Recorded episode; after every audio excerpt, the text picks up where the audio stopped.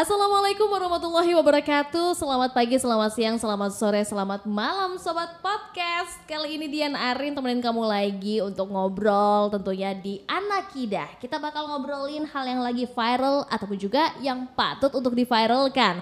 Tapi memang kalau yang sekali ini ini termasuk yang kayaknya lagi happening banget sih sobat saya. Di tahun 2022 memasuki abad yang baru kayaknya banyak banget hal-hal yang canggih berdatangan. Wow, kali ini fenomena NFT. Waduh, seru banget nih kayaknya. Yuk langsung kita ajak aja penulis Lampung Post yang udah nulis juga di kolom nuansa tentang tema kali ini NFT. Ada Bang Sobi Adnan. Halo Bang, Assalamualaikum. Halo, Waalaikumsalam warahmatullahi wabarakatuh. Masya Allah. Apa kabarnya nih Bang Sobi? Alhamdulillah. Alhamdulillah. Jam Sehat? segini biasanya lagi ngantuk-ngantuknya ini. Waduh, Ya, nggak tahu waduh. dengerinnya jam berapa ya. ini pagi buta. Eh apa udah siang sih? Udah siang Oh, udah nih. siang. Kalau sekarang ya pas kita lagi tapping ya. Ini kan kita ngobrolin tentang fenomena NFT gitu Hmm. ya. Kayaknya memang semakin ke sini hidup kita itu semakin luas gitu ya. Iya. Baik itu kita mungkin biasanya cuman ketemu sama teman-teman secara langsung, sekarang udah ada media sosial jadi teman kita semakin rame dan sekarang muncul lagi namanya fenomena NFT di mana ini sebenarnya adalah bisa dibilang tidak realistis tetapi ada sebuah kehidupan di dalamnya. Nih kalau Bang Sobih sendiri menilai NFT ini seperti apa Bang? Iya. Ini sebenarnya hampir semua produk digital itu lahir dari pokoknya kita ke depan itu bakal disajiin kayak gini. Pertarungan antara konvensional dengan kontemporer Oh misalnya. iya. pertarungan sesuatu yang manual dengan yang otomatis bahkan digital pertarungan kemapanan dengan masa depan Oke. Kemama- kemapanan itu kita beli beras minyak goreng harga murah kemarin dengan uang kertas. Ke depan itu kan nyaris ya sangat mungkin lah. Non tunai. sangat mungkin non tunai. Dan di beberapa kota besar kan kita udah ada- agak kesusahan nih nyari uang tunai. Mm, Parkir aja udah nggak ada tunai bang Iya. sekarang. Nah Udah itu, yang dia jadi kita selama ini dan bahkan ke depan itu selalu disuguhkan itu pertarungan. Oh, iya. Masa lalu dan masa depan, kemapanan dan apa ya perubahan, pokoknya Hmm. seputar itulah.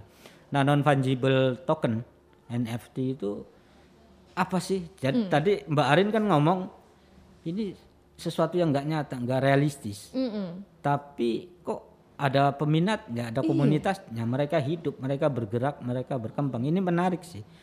Jadi kalau ya lagi-lagi ya orang ngomong itu dari basic dari pengalaman yang dia dapat. Oke. Eh, kalau filsuf sains sih ngomong ini kan bagian dari teknologi ya Mbak Rin. Iya. Teknologi adalah protes dari masa lalu. Baik. Nah, teknologi adalah atau selalu lahir dari sebuah protes dari masa lalu. Lahirnya komputer di tangan Mbak Arin itu karena Mm-mm. sakitnya jari ketika ngetikin atau Pakai ketik. beletuk beletuk di mesin ketik gitu. Aduh, pegel banget. Kemudian borosnya kertas, kemudian eh, mesin ketik itu tidak apa tidak membantu ke jaringan komunikasi, maka terciptalah komputer Mm-mm. terciptanya apa pun misalnya sepeda motor karena capeknya mengayuh Mm-mm. Eh, pokoknya sebuah dari protes masa lalu Setuju. nah kalau NF NFT itu protes dari masa lalu ini apa Ah. transaksi yang manual itu punya banyak eh, lubang ba- banyak yang bolong-bolong banyak yang miss banyak yang cacat dari perekaman transaksinya Oke. kita udah capek lah betapa bukan sekedar transaksi memproses sesuatu yang kita mentalnya sudah digital tapi omong-omongnya sudah digital kemudian lagat-lagatnya sudah digital tapi masih diproses dengan cara-cara manual Ah, iya iya. KTP iya. elektronik misalnya Benar, maaf maaf itu prosesnya sangat manual banget. Dengan andalan petugasnya oknum lagi offline. Mm-mm. masa setiap ke situ lagi offline?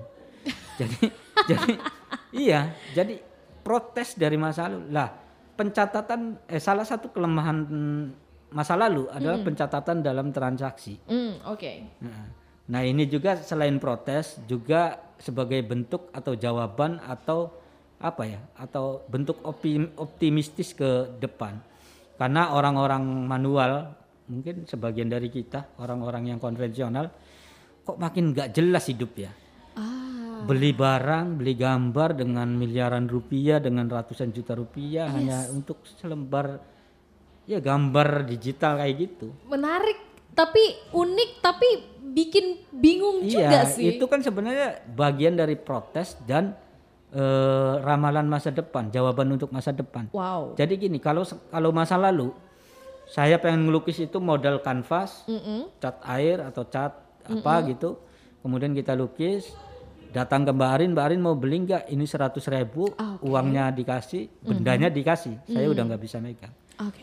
ketika kita metamorfosis ke serba digital Mhm. seni lukis itu masih ada di digital Oke.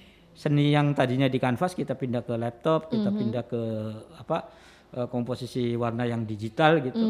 Dan kebendaannya digital. Kelemahannya digital bertahun-tahun itu adalah ketika seseorang sudah menerbitkan karya ketika dikirimkan itu terkopas ter- terkopi dengan otomatis. Nah, itu Iya kan? Di sayanya ada mau niatnya nunjukin tapi nggak taunya kebendaan itu mampir juga ke Mbak Arin. Paham nggak Yes. jadi saya melukis digital, saya kirim WA, Des, Barin, ini lukisan saya, bagus enggak? Wah bagus. Kalau di konvensional itu kan sekedar nunjukin lukisannya, tapi lukisan itu nggak kena ke Mbak Arin. Oke. Tapi digital itu ketika saya nunjukin ke Mbak Arin melalui WA mengirimkan filenya, berarti Mbak Arin juga mendapatkan kebendaan itu. Iya, saya memiliki. Iya. Heeh. Nah ini akhirnya berpuluh-puluh tahun jadi masalah. Oke. Orang ti- orang dengan gaya berpikir yang transaksi yang manual, akhirnya tidak bisa mengembangkan bisnisnya di digital. Oke. Contoh paling gampang, maaf nih harus nyambung nih Mbak Arin. Iya benar. E-paper, E-paper. e-paper. Eh, ketika ada satu grup keluarga menyebarkan e-paper lampu pos misalnya, Mm-mm. satu PDF penuh, mungkin ada orang dalam kali ya. I see. Terus aku bilang itu melanggar undang-undang. Loh, kenapa melanggar undang-undang? Kan e-paper ini dari orang ya, taruhlah orang yang memang langganan dan berbayar kemudian di-download dan ditaruh di grup. Mm-mm. Kayak kita minjem buku kemudian dipinjemin lagi, nggak bisa, Nggak sama. nggak sama. Karena ketika kamu menaruh apa mengirimkan sebuah file di digital, itu file nggak ada di kamu doang. Ya, Iya. nanti kita nggak pernah tahu akan disebar ke mana lagi, ke mana Iya. lagi ya. Jadi produk reproduksinya luar biasa. Yes. Jadi bayangkan kalau Lampung Pos dari sekian ribu pelanggan akunnya cukup diwakilkan oleh satu orang yang sebulan cuma 50 ribu, tapi seluruh kota seluruh provinsi Lampung membaca betapa ruginya bisnis Rugi digital. banget sih. Nah, orang terus berpikir, berpikir, berpikir, oh berarti kita punya kelemahan di riwayat pencatatan transaksinya. Oke. Yang dimainkan oleh NFT hari ini adalah di situ. Oke, Bukan riwayat semata-mata kebendaannya. Itu satu. Arin. Oke. Itu dulu deh. good. Jadi makanya ketika saya membuat produk digital diupload di NFT, kemudian dibeli oleh Mbak Arin, kemudian dibeli oleh siapa lagi, si A, si B, nanti ada riwayatnya. Ini diciptakan oleh ini, dibeli pertama oleh ini, kan, nanti ada riwayat. Sertifikat itu yang sebenarnya dijual. Oh. Itu dulu satu. Ada beberapa banyak. Keren, keren, keren, keren. Jadi itu ya. Jadi menarik banget sih uh, apa yang disampaikan sama Bang Sobi tadi tentang keberadaan teknologi yang sebenarnya menjadi protes orang-orang. Sebenarnya ya itulah sifat daripada teknologi. Teknologi ada bukan untuk membuat kita lebih ribet, sebenarnya menjadi solusi atas sebuah hal. Jadi memudahkan kerja kita. Toh dulu juga uh, masa kita ada orang menggunakan tenaga manusia, akhirnya ada mesin justru kan kita harusnya bukan tambah capek toh gitu kan. Tambah kita ringan tugasnya gitu kan. Begitupun dengan keberadaan teknologi dari segi tadi ada komputer segala macam dan termasuk NFT tapi penjelasan Bang Sobi tadi ngebuat gue juga kayak ngerasa oh ini ya. Yes benar. Keberadaan NFT itu juga sebenarnya bukan buat nambah kita ribet. Kan banyak nih kayak ngerasa nih apalagi kan ibu-ibu mama gitu kan. Apalagi sih gitu kan ya. Nambah-nambah gua buat tahu aja gitu kan nambah-nambah untuk belajar lagi tapi ternyata nggak mungkin dong lahir begitu aja tanpa ada masalahnya Contoh paling simpel gini lah Mbak Arin. Iya. Betapa pusingnya musisi hari ini misalnya. yes royalty Eh, ya. eh, dulu royalti itu nggak menjawab. Pendapatan mereka ditunjang dari royalti itu nggak menjawab karena harus nge-track dan lain-lain luar biasa susahnya lah. Iya. Eh, siapa tak ya bolehlah yang di kota-kota besar karaoke bayar. Tapi kalau yang terpencil misalnya ada karaoke, siapa yang mantau? Iya benar. Itu kan perlu perlu effort juga, perlu biaya lagi. Barangkali biaya yang dikeluarkan nggak sebanding dengan yang didapatkan. Iya. Tahun 90-an mereka musisi bisa jual kaset secara fisik selesai. Kaya Oke, raya dapat misalnya dapat untung banyak. Sekarang mau di pola kayak gimana pun nyaris gagal. Yes. Mau di YouTube berbayar kayak orangnya sepi, uang mau berbayar gimana yang bocor aja banyak gitu Ah, kan. benar. Mau apa misalnya di alat eh, pemutar musik yang berbayar ngapain? Ini di internet liar kok beredar. Aduh. Nah mungkin pola-pola yang NFT kayak gini nih nantinya eh, apa pola manual yang ben- pembelian benda fisik itu akan terwakili. Jadi kita yang nggak punya sertifikat itu nggak bisa muter satu lagu dua lagu yang tertentu misalnya. Ini jawaban meskipun pola NFT nggak bisa juga diterapkan secara plek karena nggak mungkin dong musisi hanya menjual lagunya untuk satu orang. Ya kan nggak mungkin kan. Harus kemasal juga. Tapi teknik ini bisa jadi embrio untuk jawaban eh, transaksi digital ke depannya. Itu yang pertama. Oke. Yang kedua, eh, orang hari ini atau masa lalu yang masih ada di hari ini, orang-orang yang transisi dari konvensional ke modern hari ini, itu diajari soal utility, nilai kemanfaatan. Nilai kemanfaatan. Jadi di NFT itu nggak sekedar jual foto selfie, nggak ya Gozali itu, yang Hebat fenomena banget. Gozali itu Yes. dia itu bukan sekedar jual foto selfie Mhm. atau jual kartun atau jual 3D atau jual apa enggak tapi biasanya didampingi oleh kemanfaatan-kemanfaatan lain di dalamnya. Makanya sekarang musim-musim promo nih kalau kamu beli NFT ini nanti kita ketemu komunitas. Misalnya itu dari artis. Oh iya. Gozali aja ada promo gitunya mbak. Jadi orang yang membeli NFT dia hari ini Mm-mm. itu Gozali mau memproduksi 3D versi 3D-nya itu yang pembeli yang sekarang itu nanti Jadi kan kalau misalnya kita bilang tadi kan ada eh, contohnya beberapa seperti eh, tempat kopi ya Bang ya.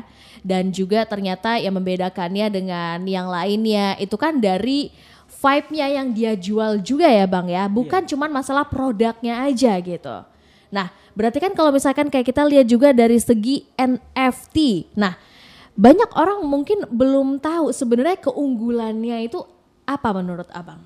ya itu yang dijual itu dari tradisi NFT ini Mm-mm. itu kan sebenarnya daya tawarnya cuma di smart kontrak Oke. kontrak yang jelas yang cerdas yang tertata rapi yang ini itu lag- lagi-lagi filsuf sains tadi ngomong Ihde itu ngomong teknologi itu selalu lahir dari protes masa lalu Betul. Eh, NFT itu lahir dari kebobrokan transaksi kita di hari ini atau masa lalu Benar. pencatatannya yang nggak karuan Mm-mm. Bayangin ini kritik juga sih untuk peduli lindungi. Iya. Hari ini kita booster, Yes. vaksin booster. Oke. Saya nggak bisa. ya kan? Sedih Karena ya Bang. apa? Heeh. Karena sertifikat kedua belum keluar. Kok bisa sih Bang? Waktu kejadian Heeh. vaksin kedua itu. April. Oke. Kata petugasnya error, Oh. kerusakan di peduli lindunginya, nggak Oke. bisa diinput. Oke. Nanti tapi keluar sendiri kata si petugas. Katanya. Hmm. Ditunggu-tunggu beberapa bulan April, Mei, Juni, Juli, Agustus, September. Udah mau saya ketemu punya kenalan di Kemenkes, saya telepon. Mm-mm. Oh ternyata kerusak apa kelalaiannya dari petugas di Baik. sini karena nggak nginput Oh. gitu kan. Ya udah tak pikir gimana bu kalau diadu aja. Mm-mm. Ke dep- minggu depan bakal ada booster di kantor. Mm-mm. Eh, nanti ibu ngobrol aja sama petugas ini aslinya gimana. Akhirnya diambrok ini. Oke. Peduli lindungi itu alangkah eh, sebuah dakwah ngajak seluruh masyarakat Indonesia untuk Download. beralih ke digital. Yes. mengakrabkan diri dengan kehidupan digital dengan Oke. teknik digital. Mm-mm. Tapi karena sumber daya manusianya masih manual, masih Ah, konvensional, ya kita oke. susah juga. Kita tuh kadang sudah siap dari sarana prasarana, ide dan lain-lain, tapi nggak kompak dari secara keseluruhan. Iya, Itu isi. Makanya jangan kaget kalau fenomena NFT akhirnya di- dirayakan dengan upload foto KTP, kemudian foto seblak dan lain. Karena orang simpel aja ngelihat Gozali, foto mukanya yang sederhana, sebegitu sederhananya, Dapat gila dapat 1,4 miliar Boom. dengan minimal harga satu selfie itu 3 dolar misalnya. Oh, oh. Orang cuma ngelihat itunya. nggak Dia nggak lihat- ngelihat Gozali everyday. Dan nggak sekedar itu Mbak Arin, nggak lihat memaknai ini sebagai sebuah ekosistem yang saling berkaitan. yes.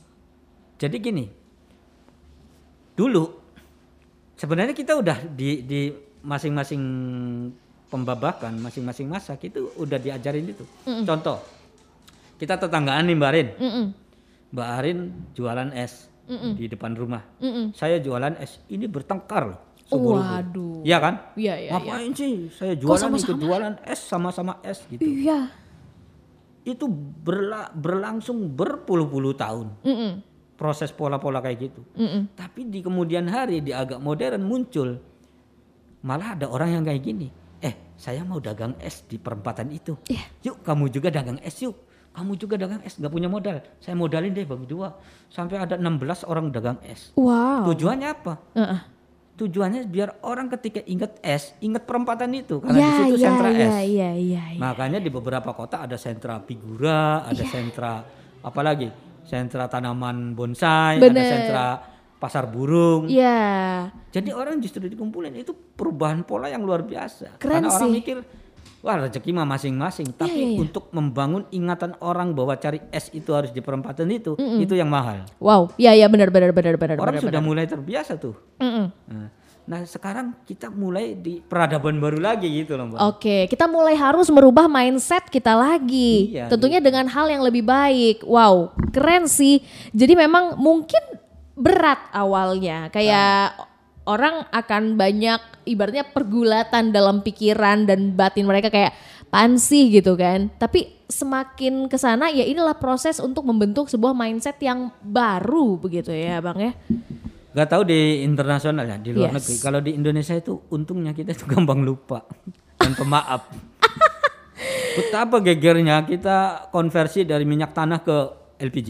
Aduh. Iya Iya kan? iya iya, bener bener bener. bener. ibu-ibu rumah tangga, aduh gimana LPG lebih Bingung mahal, takut banget. meledak dan lain-lain. Nggak masak nih. Sekarang kedenger nggak? Iya iya. Minyak Gitu kan? tanah udah susah tuh nemuinnya.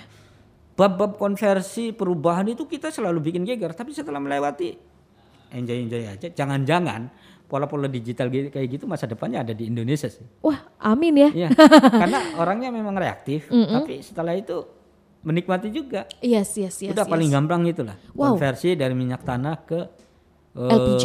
LPG. Itu luar biasa emak-emak ngamuknya. Iya benar. Karena bayangannya bakal meledak, dapur dapur gampang meledak dan lain-lain. Mm-mm. Tapi sekarang kedenger nggak suaranya? Iya sih. Bapak-bapak yang tongkrongan di gardu-gardu itu selalu komentari, selalu protes harga rokok naik. Oke. Setelah naik, Ya udah. Ya Tetap aja masih merokok kok. pandemi, ada pandemi katanya aduh susah nyari duit tapi Iya. tetap ngebul. kita uji lagi hari ini Oke. dari eh, TV frekuensi Ya. kita kali kali ke digital. Digital. Mungkin beberapa bulan ke depan ketika eksekusi undang-undang itu dieksekusi bakal rame nih. Iya, iya. iya. Tapi sebulan kemudian santuy kok. Hebat ya orang Indonesia. Orang Indonesia tuh gampang. Hebat ya. Jadi kalau lagi reaktif, lagi rame-rame ya nikmatin aja, dengerin Ah. aja semua pendapat itu. Itu buat kaya pikiran kita juga. Ya, Tapi ya, setelah itu kita luar Enjoy. biasa luhurnya kok budaya kita itu. Luar biasa ya. NFT ini jangan-jangan rame di awal orang upload KTP, orang caling ngenyek misalnya, lu nggak ngerti NFT, Hmm. KTP lu unggah, Hmm. Eh, lu juga emang lu nggak ribut lah pokoknya ribut. Tapi setelah itu jangan-jangan pasar NFT milik orang Indonesia, amin ya. Amin. Ini juga didukung sama uh, bonus demografi yang kita punya Iya. juga bang. Soalnya uh, beberapa uh, riset bilang katanya kayak di Asia Timur nih, kayak di Korea, Jepang, uh, China sih enggak ya, Korea dan Jepang nih, lagi kekus- ke- lagi kekurangan uh, generasi sebenarnya kan, karena angka kelahiran lebih kecil daripada kematian gitu kan. Begitupun dengan beberapa negara Eropa. Tapi Indonesia pun berbeda, pandemi makin banyak kita ya. Siapa tahu memang benar Gara-gara ah.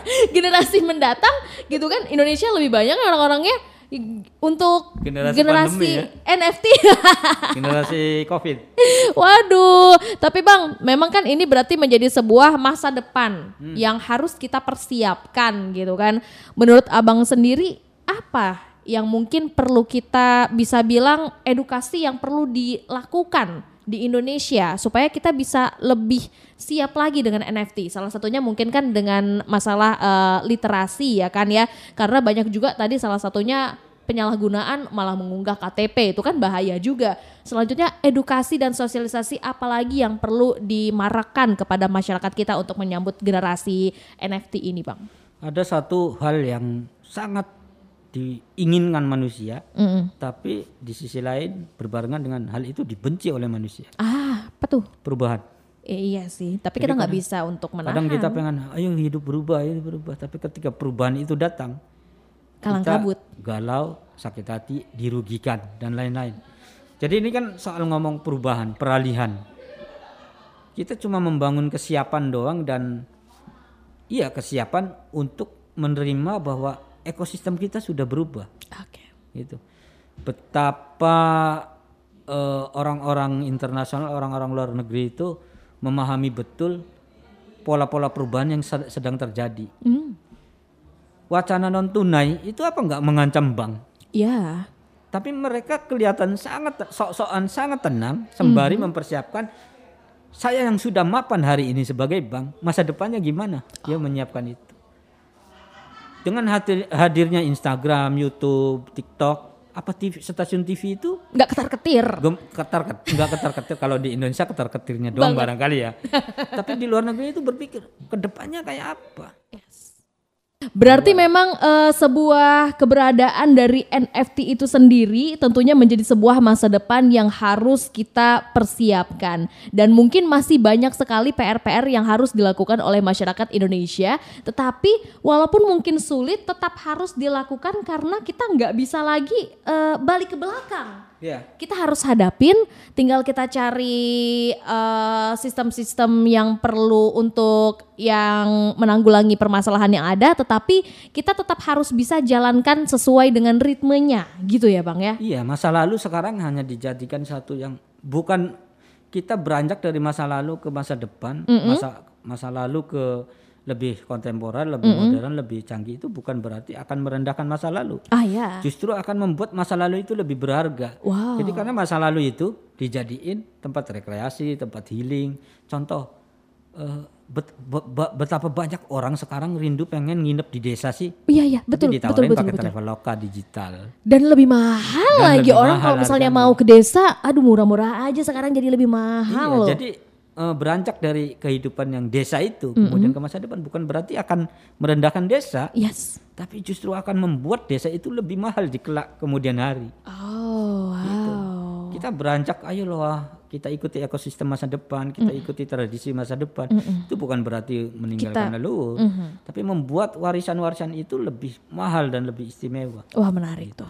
Wow, ini keren banget sih sobat podcast. Jadi bukan berarti sebuah perubahan itu akan membuat kita kehilangan momentum dengan satu hal, tetapi justru bagaimana cara kita untuk menciptakan ekosistemnya ya, Bang ya.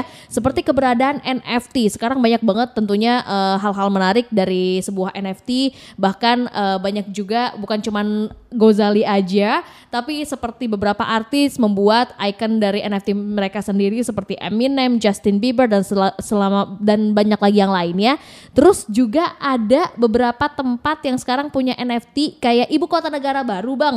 Itu punya NFT dan bahkan eh, dibuat juga versi kayak bandara yang mirip sama eh, Avenger. Wah, itu keren banget. Yang seakan-akan bisa juga untuk membuat roket. Nah, itu kan sebenarnya bisa dibilang NFT akhirnya menjadi eh, cara mereka juga untuk membuat sebuah harapan gitu. Wah, nantinya sepertinya cocok nih kalau dibuat seperti ini. Tapi kan memang dia masih basicnya eh, cuman sekedar NFT, belum reality. Tetapi Iya, itu NFT menjadi kan sebuah muncul- harapan juga. Muncul berbarengan dengan ini, dengan tradisi yang baru gebrakan juga, metaverse misalnya. Itu alangkah payahnya otak kita kalau nggak siap untuk mempelajari dan menerima eh, keniscayaan ekosistem ekos- ekosistem itu. siap nggak siap kita harus siap. Dengan era metaverse tahun 2022 ini banyak hal yang baru. Selamat untuk menjelajahi hal itu semua sobat podcast. Dan kita harus siapkan diri dengan banyaknya eh, teknologi-teknologi canggih ke depannya. Tetapi jangan lupa tentunya untuk kita selalu eh, mendapatkan ilmu baru juga supaya kita bisa menerimanya dengan ilmu. Begitu ya Bang ya. Jadi nggak sembarang dan juga tidak disalahgunakan. Oke, terima kasih Bang Sama-sama, Sobi Mbak atas obrolan kita hari ini NFT. Kalau kamu mau tahu untuk tulisan selengkapnya silakan kamu bisa akses Sobat Podcast di laman lampos lampungpos.id kolom nuansa judulnya NFT tulisan dari Bang Sobi Adnan. Terima kasih Bang Sobi dan terima Sama-sama, kasih juga buat kamu. Sobat Podcast. Sampai ketemu lagi di obrolan kita selanjutnya. See you bye.